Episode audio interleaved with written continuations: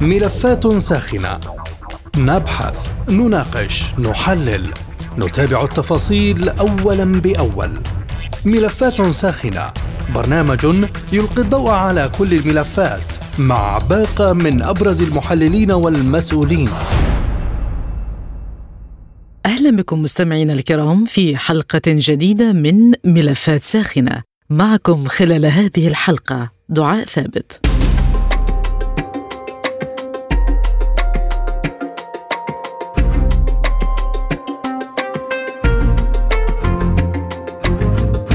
قال وزير الخارجية الأوكراني ديمتري كوليبا أمس الأربعاء إن حلف شمال الأطلسي الناتو لم يوجه دعوة إلى أوكرانيا للمشاركة في قمة الحلف المقرر عقدها في يوليو تموز المقبل في ليتوانيا. وأضاف كوليبا في مقابلة تلفزيونية تمت دعوة أوكرانيا للمشاركة فقط في اجتماع على هامش قمة الناتو. وانتقد الوزير الأوكراني عدم وجود موقف محدد من الناتو فيما يتعلق بعضوية أوكرانيا موضحا أنه وفقا لبعض الدول الأعضاء لا ينبغي دعوة أوكرانيا لأن هذه الخطوة ستؤدي إلى تصعيد ونحن لدينا رأي معاكس. وفقا له فإن كل الشروط متوفرة لدعوة كييف إلى الناتو. لكن إذا كان الحلف لا يتخذ قرارا قويا بشأن عضوية أوكرانيا فإن منطق الخوف سيتملك الجميع. ومن المقرر أن تعقد قمة الناتو في الحادي عشر والثاني عشر من يوليو المقبل في العاصمة الليتوانية فيلنيوس. وكان الأمين العام لحلف الناتو ينس ستولتنبرغ قد صرح منذ أيام بأن الحلفاء لن يناقشوا خلال الاجتماع دعوة أوكرانيا الرسمية لحلف شمال الأطلسي لكنهم سيجرون مشاورات بشأن القرارات التي ستجعل كييف أقرب للانضمام إليه. من عمان ينضم إلينا أستاذ الدراسات السياسية والاستراتيجية دكتور عصام الكاوي. دكتور عصام بعد التحية، هل عدم دعوة أوكرانيا لاجتماع الناتو يدل على عدم وجود موقف محدد من الأطلسي فيما يتعلق بعضوية كييف؟ يعني يبدو لي من آه، حيث يعني تجاهل حلف شمال الأطلسي أو بعض دول حلف شمال الأطلسي من آه، دعوة أوكرانيا للانخراط في اجتماع القمة القادم يبدو أنه ينطلق من نظرة آه، شمولية لطبيعة الوضع الذي آه، يعيشه حلف شمال الأطلسي في آه، جو الحرب المستعرة ما بين روسيا وأوكرانيا ومساعدة حلف شمال الأطلسي إلى أوكرانيا. يبدو أنه هذه الخطوة ليست هي تجاهل لدعوة أوكرانيا بالذات للانضمام أو لحضور مثل هذه القمة بقدر ما هو تخفيف من التصعيد الذي يمكن أن آه، تمارسه روسيا على على تصعيد القتال. تجاه أوكرانيا مجرد حضورها. فلا يعني حضور أوكرانيا قمة حلف شمال الأطلسي آه، إضافة نوعية لها في القتال ولا يقلل من عدم حضورها تخفيض الدعم حلف شمال الأطلسي لها. وبالتالي يعني عملية الحضور وعملية الغياب لا تعني بالنسبة لأوكرانيا أو حلف شمال الأطلسي تقليل من قيمة الدعم الذي الذي يقدمه الناتو لأوكرانيا ولكن النقطة يعني أعتقد من وجهة نظر شخصية النقطة التي يعني تحاول يحاول حلف شمال الأطلسي اللي هو إبعاد التهم التي يمكن أن تتخذها روسيا الاتحادية كذريعة لتصعيد القتال وما يسمى يعني بالعلوم العسكرية آه، ضرب آه، المواقع المختلفة في اوكرانيا نتيجة هذا الحضور أو ما يسمى في فوضى الأهداف. وهذا يعني أن تكون آه، الصواريخ أو القذائف على مختلف أرجاء أوكرانيا. وبالتالي يعني لتلافي مثل هذا لا أقول الغضب العارم الروسي من دعوة آه، اوكرانيا في شمال الأطلسي بقدر ما هو تخفيف الرد على هذه الدعوة إلى حضور أوكرانيا. هذه يعني بعض الأمور. لكن أيضا هنالك آه، يعني بالمقابل تخفيف من آه، نبرة الرفض الدولي آه، أو لمجموعات حلف شمال الأطلسي لانضمام أوكرانيا. أي أن هنالك ما عادت القيود التي تطلب من دول مثل فنلندا أو السويد تطبق على أوكرانيا أي يعني أن هنالك تخفيف للشروط التي يمكن أن تفرض على أوكرانيا للانضمام، اذا العملية ليست هي انضمام أو عدم انضمام، العملية هي أن الوضع ما عاد يعني الآن مناسب لخلق بؤر توتر جديده ما بين روسيا وما بين حلف شمال الأطلسي، لذلك الدعم مستمر التزويد بالأسلحة والتزويد بالأمور الاقتصادية. الاقتصاديه، اللوجستية، المادية، تعويض الخسائر، ما زال مستمر على قدم وساق لأوكرانيا، اذا هي ليست خسرانة. ولكن يعني الأمور تتطلب نوع من الهدوء الدبلوماسي أو السياسي خارج سياق المعركة على الأرض الأوكرانية. ولكن روسيا تحذر من أن تؤدي هذه التصريحات الخاصة بمسألة قبول أوكرانيا في الحلف إلى الانهيار النهائي لنظام الأمن الأوروبي، ما تعليقكم؟ يعني هنالك الحقيقة تخوف من آه، انهيار النظام الأمني الأوروبي ليس فقط من آه، ناحية قبول أوكرانيا في حلف آه، شمال الأطلسي بقدر ما هو أن الثغرات الأمنية التي بدأت تحدث في النظام الأمني الأوروبي أصبحت تشي بأن استمرار الحلف على ما هو عليه يمكن أن يؤدي إلى مثل هذه النظرة أو السيناريو المحتمل. هو مجرد سيناريو ولكنه لابد عادة من إعادة النظر في تطبيقات الاستراتيجيات بعيدة المدى لحلف شمال الأطلسي، نعم هنالك في هذه القمة. هنالك دعوة لإعادة النظر في خطط في خطط الأمن الأوروبي وبالتالي يعني يمكن أن يؤدي مثل هذا التصحيح إن صح القول بإعادة ترتيب مجريات أو أمور اللازمه لإدامة صلب الأمن الأوروبي كما كان عليه لا عدم التراخي مما يحدث. هنالك كثير ما من بعض الدول الأوروبية خاصة بدأت يعني بعض الدول أو بعض المنظمات غير الحكومية بالتذمر من أن الحرب الأوكرانية الروسية أصبحت ليست مرهقة لروسيا وأوكرانيا بقدر ما هي مرهقة للمنظومة الأوروبية ككل. لذلك يعني آه، إذا كان الأمن الأوروبي يعني يمكن أن يستنزف طاقات الاتحاد الأوروبي وطاقات حلف شمال الأطلسي من أجل بعض قضايا سوء التفاهم بين دولتين جارتين كان من باب أولى استخدام الدبلوماسية الناعمة في حل المشاكل العالقة بين هذه الدول دون تورط حلف شمال الأطلسي لأنه قد تصل بعض الأمور إلى ما يسمى نظرية شمشون بمعنى علي وعلى اعدائي يا رب العرب عندما تصل اللحظة الحاسمة إلى أن يكون هنالك من يخسر وخاصة إذا كان الأمر يتعلق في بوتين شخصيا. وأنا عندما أقول بوتين أقول أن هذا الرجل له الكاريزما القيادية الكاريزما الشخصية وهو أحد آه، أساتذة أو استراتيجيي ال KGB القديم أيام آه، الاتحاد السوفيتي. وبالتالي لديه آه، لديه شعور عظمة روسيا وإمكانية عودتها لأن تكون دولة قطب في العالم وبالتالي كثير من الاستراتيجيين يقولون دائما اجعل لعدوك مخرجا. بوتين لا يعني في هذه الحرب وأنا قلت في أكثر من لقاء إما أن ينتصر وإما أن يخسر الجميع. وبالتالي هذه النقطة أعتقد ما زال حلف شمال الأطلسي لم يأخذها بعين الاعتبار. لو كان يأخذها بعين الاعتبار لكان من باب أولى أن تكون المساعي حلف شمال الأطلسي والاتحاد الأوروبي كلها تسعى لإيقاف الحرب وحل المسألة يعني حل سلمي وليس حل عسكري لأن روسيا لا تقاتل 34 دولة وبالتالي هي لن تخسر مهما كان الكم الهائل من الخسائر البشرية أو المعدات العسكرية مقارنة مع من تحارب ومن تقاتل وما زالت صاحبة اليد الطولى على أرض المعركة يسجل بغض النظر عن الخسائر نسبة وتناسل يسجل لصالح روسيا. اذا كان من باب أولى بدل ما دعوت أوكرانيا للانضمام إلى حلف شمال الأطلسي أو إعادة النظر في منظومة الأمن الأوروبي ان يكون هنالك اجتماع لإعادة وتقييم هذه الحرب مرة ثانية وكيف يمكن أن يتم التواصل إلى حل سلمي. ما توقعاتكم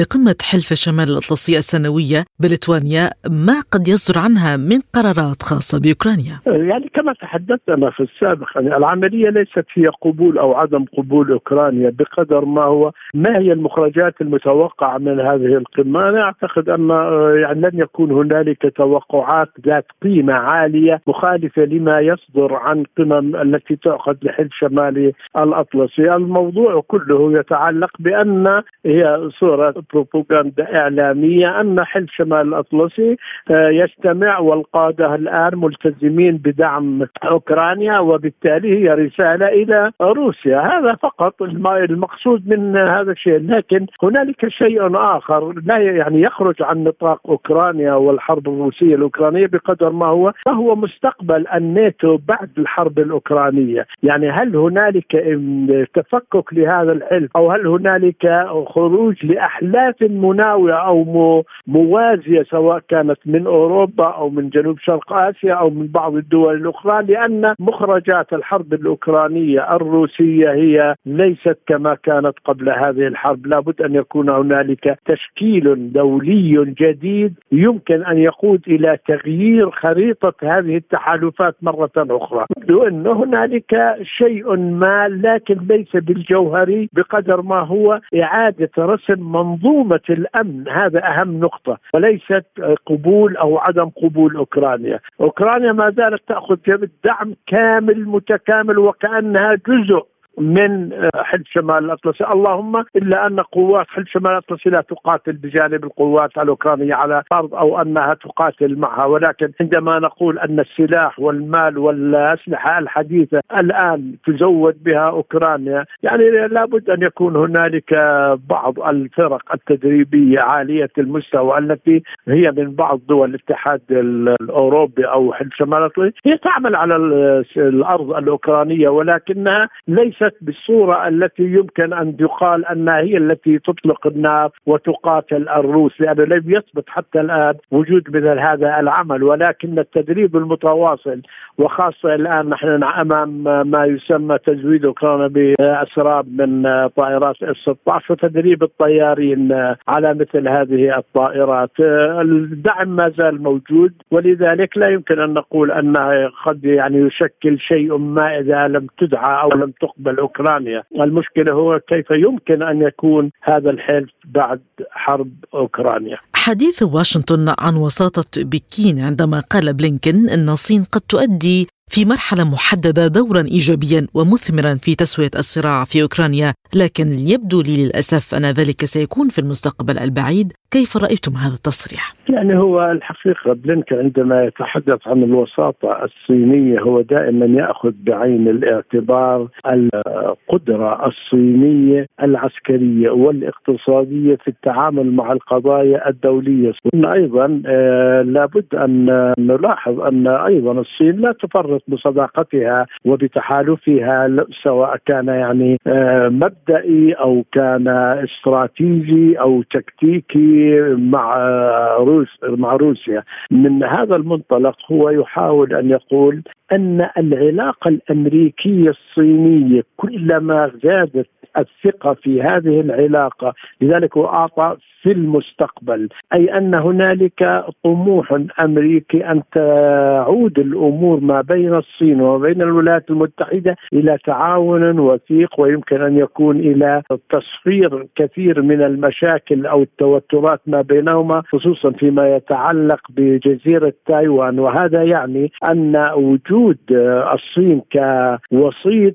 أعتقد أنه يمكن أن يكون مقبول إذا ما كانت الثقة المتبادلة بين الولايات المتحدة والصين على مستوى عالي وبالتالي. لكن متى يمكن أن يقوم حل شمال الأطلس أو الولايات المتحدة بإطلاق الكلمة الفصل النهائيه أننا نقبل بالصين كوسيط مقبول؟ وهذا يعني يمكن أن تكون الأمور قاربت على انتهاء هذه الأزمة ولكن هو عندما قال في المستقبل هو يعني أن هنالك ما زالت أمور لا تعطينا الثقة اللازمة اننا أن الصين ستقوم بما نريد منها. أستاذ الدراسات السياسية والاستراتيجية دكتور عصام ملكاوي شكرا جزيلا على كل هذه الإيضاحات.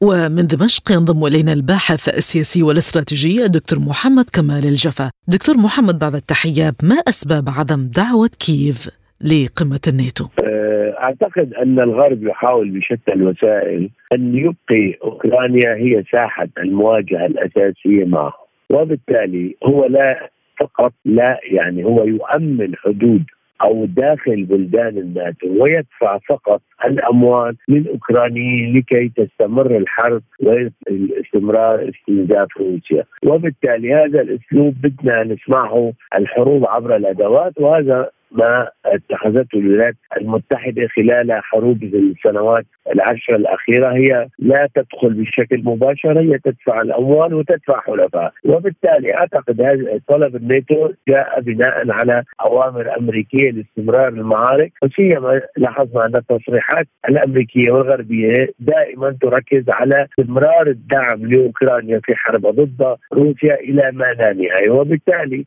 آه، دعوة أوكرانيا. في هذا الاجتماع يعني اشعار اوكران أننا معكم هم لن يدخلوا من الناتو كانت هناك تناقضات كبيرة داخل حلف الناتو. وبالتالي تستمر الحرب ويستمر استنزاف روسيا وتقوم الدول الأوروبية بتقديم ما لديها من أسلحة وعتاد وهي بالنتيجة لا تخسر شيء لكن هي تقاتل على أراضي الغير. لذلك هذه الدعوة فقط تعطي دفعا معنويا للقيادة الأوكرانية وللشعب حتى الأوكراني بأن الغرب لا زال يقاتل عنه لكن بالنتيجة الشعب الأوكراني والجيش الأوكراني والبنية التحتية الأوكرانية هي التي تدفع الحرب وتدفع الثمن الأكبر في هذه الحرب والغرب الذي دفعها إلى هذا المستنقع هو لا يخسر شيء على الإطلاق وبالتالي هذا جزء من الدعم المتواصل إن كان ماديا أو عسكريا أو سياسيا. تحدثت عن تناقضات في الموقف الغربي تجاه انضمام أوكرانيا لعضوية الناتو وكان الأمين العام للحلف أكد أن مسار انضمام كييف سيكون طويل الأمد؟ هل نفهم أنه قد لا تنضم أوكرانيا للحلف؟ لا أعتقد جازما أنها لن تنضم إلى الناتو، اعتقد ذلك جازما،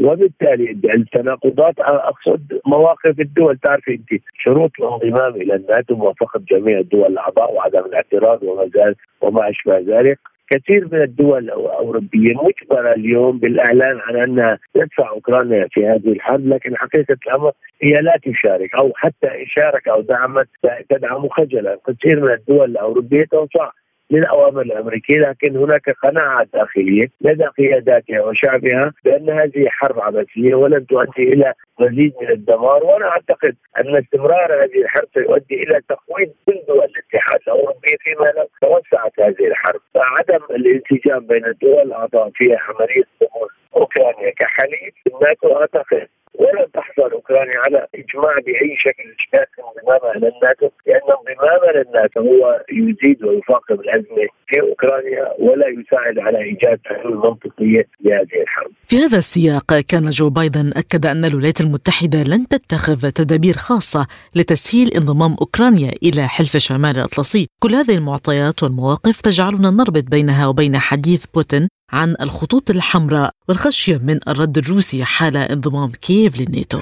صحيح يعني انت تطرقت إلى بداية الجواب دخول أوكرانيا إلى الناتو يعني توسيع الحرب وأصبحت حرب شاملة وأصبح الناتو مجبرا بشكل كبير على الدخول في هذه الحرب لأنه شروط الانضمام إلى الانضمام إلى الناتو أي دولة تتعرض إلى حرب أو تدخل حرب مجبر مجبرين جميع الدول الوقوف إلى جانبها والدخول بكافه قوتها وعتادها وبالتالي الدول الأوروبية لا تريد الدخول إلى في حرب مباشرة مع روسيا وأيضا حتى الولايات المتحدة الأمريكية أمريكا يعجبها أن تستمر الحرب بهذه العقلية وبهذا الشكل. وبالتالي إبقاء الوضع على ما هو عليه وعدم انضمام أوكرانيا وتقديم الدعم السياسي والعسكري لها أيضا يحمي الدول الأوروبية من الدخول أو التورط في هذا الصراع الكبير جدا. لذلك لاحظي أن التصريحات جاءت دائما متناقضة. هم يريدون أن يدفعوا الرئيس الأوكراني إلى الاستمرار في هذه الحرب. لا يتوانون عن تقديم كل الدعم العسكري والسياسي والاقتصادي وأيضا يؤمنون الحماية للمدنيين وهو تعرف انت اوكرانيا لم يسمح بخروج الرجال على الإطلاق. فجميع أو أو الذكور في المجتمع الأوكراني هم وقود هذه الحرب. وأما النساء والأطفال فاستقبلت دول الاتحاد الأوروبي. هناك تقديرات تقول أن عدد اللاجئين أصبح أكثر من عشرة ملايين، يعني إذا جبنا عشرة ملايين من النساء والأطفال هذا يعني أن ربما ثلث أوكرانيا هم نازحون. في في دول الاتحاد الأوروبي. وباعتبار أن هؤلاء أصبحوا مثل الرهائن في دول الاتحاد الأوروبي. إذا بالنتيجة ما تبقى الحرب مستعرة ويبقى الاوكراني والاوكراني الاوكرانيين مدينون لدول الاتحاد الأوروبي لأن نساء نسائهم وأطفالهم يعيشون لدى دول الاتحاد الأوروبي وتستمر المعركة إلى قيام الساعة الا أن تأتي قياده اوكرانيه أو يكون هناك انكسار كامل أو انهزام أو هزيمة مطلقة لأوكرانيا لكي تقبل الجلوس على طاولة المفاوضات، طالما الحرب هكذا رجال وطالما أن هناك قدرة للجيش الأوكراني على صد أو أو صد هجمات روسية أو حتى بناء هجمات مضادة فالغرب مرتاح والولايات المتحدة الامريكيه تعتبر ان هذا ضمن الخطط الاستراتيجية التي وضعتها للدخول في حرب مع روسيا لكن حرب محدودة وليس حرب ناتو موسعه. الباحث السياسي والاستراتيجية دكتور محمد كمال الجفا شكرا جزيلا على هذا اللقاء دكتور كريم بعد التحية ماذا عن الجدول الزمني لضم أوكرانيا لحلف الناتو ولماذا يلفه الغموض؟ تحية طيبة لك ولمستمعيكم الكرام سيدتي العزيزة لا يوجد هناك أي غموض في موقف الناتو تجاه تجاه زيلينسكي ولكن زيلينسكي يحاول بكل السبل وبكل الطرق إرضاء الناتو في سبيل أن يصدر قرارا بشان انضمامه إلى الحلف. حلف شمال الاطلسي منذ البداية لديه قوانين ومواثيق تحكم انضمام الدول الأخرى إلى إليه. فلذلك نشاهد أن واحدة من أبرز الشروط الغير متوفرة في زيلينسكي هي وجود حرب. وهذه الحرب هي كما يقول حلف شمال الأطلسي إنه ليس طرفا فيها ولكنه يساعد أوكرانيا فقط لاستعادة أراضيه، وبالتالي هناك هناك انقسام كبير الآن في حلف شمال الأطلسي بشأن دعوته في الشهر المقبل لحضور القمة التي التي ستعقد. هناك انقسام بين طفيليات عفوا أنا أسمي ودول أوروبا الشرقية طفيليات تم ضمها إلى الحلف من قبل الولايات بضغط من الولايات المتحدة الأمريكية وذلك لتكون داعما للموقف الأمريكي في كل القرارات التي تحاول واشنطن تمريرها في دول الحلف، فهناك انقسام كبير آه، المؤيدون بدعوه أوكرانيا للانضمام إلى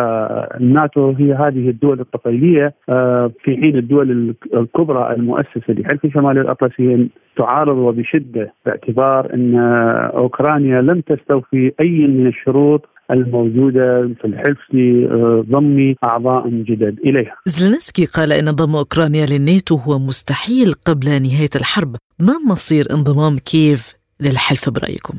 سيدتي العزيزة حلف شمال الأطلسي والولايات المتحدة تيقنت بشكل نهائي خصوصا بعد نتائج الهجوم المضاد الأوكراني المخزية تيقنت بأنه لن تكون هناك لن تكون لن تكون أوكرانيا ضمن ضمن دول الحلف. ولكن الآن يحاولون الالتفاف على قرارات حلف شمال الأطلسي ويحاولون تاسيس برنامج الشراكة مع أوكرانيا لمدة عشر سنوات. وهذا لا يرضي لا يرضي الرئيس الأوكراني زيلينسكي. آه، لأنه لأنه كما قلت انقسام آه، كبير جدا. كذلك هناك تذمر الآن أصبح الآن تذمر في سواء في دول حلف شمال الأطلسي أو في دول الاتحاد الأوروبي حتى لو تلاحظون أنه خلال اليومين الماضيين كان هناك محاولات آه، هناك محاولات لإيجاد صيغة قانونية للاستيلاء على الأرصدة الروسية المجمدة في دول أوروبا. ولحد الآن لا توجد مثل هذه القوانين وهناك أيضا انقسام بهذا الشأن على اعتبار أن هذه مثل هكذا خطوة ستعز آه، تزعزع الثقة بالدول الغربية من قبل الدول التي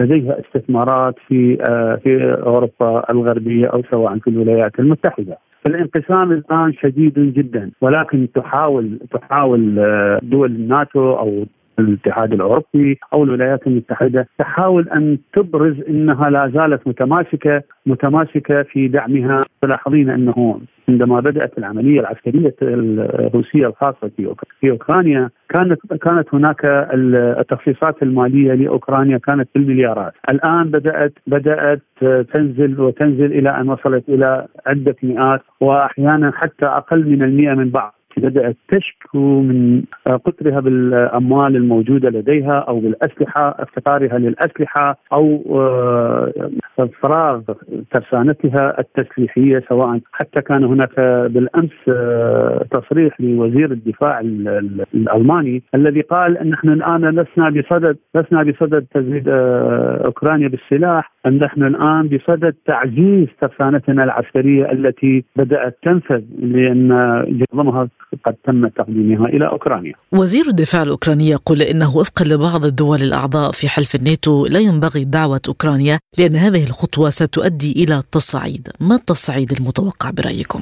الاتحاد الأوروبي الاتحاد الأوروبي أصبح خصوصا خصوصا الدول الكبرى المؤسسة للحلف أصبحت متيقنة بأن اوكرانيا بأن أوكرانيا لا يمكن لا يمكن أن تكون عضوا في الاتحاد الأوروبي أو في في حلف شمال الأطلسي لانها لديها مشاكل كثيرة وفي المقدمة منها هي الحرب ضد روسيا. الدعوة أنا سبق أن قلت الدعوة هي مركزة من قبل طفيليات الاتحاد الأوروبي وحلف شمال الأطلسي اللي اشرت إليه وهي دول أوروبا الشرقية ودول البلطيق آه، وطبعا بدعم موقف الولايات المتحدة، ولكن الآن هناك محاولات هناك محاولات للالتفاف على قوانين الحلف شمال الاطلسي من خلال آه، فكرة أو مبادرة تقدمت بها الولايات المتحدة لإنشاء ما يسمى مجلس شراكة مع أوكرانيا لمدة عشر سنوات، ولكن الدول الكبرى المؤسسة ترفض ترفض آه، إجراء مثل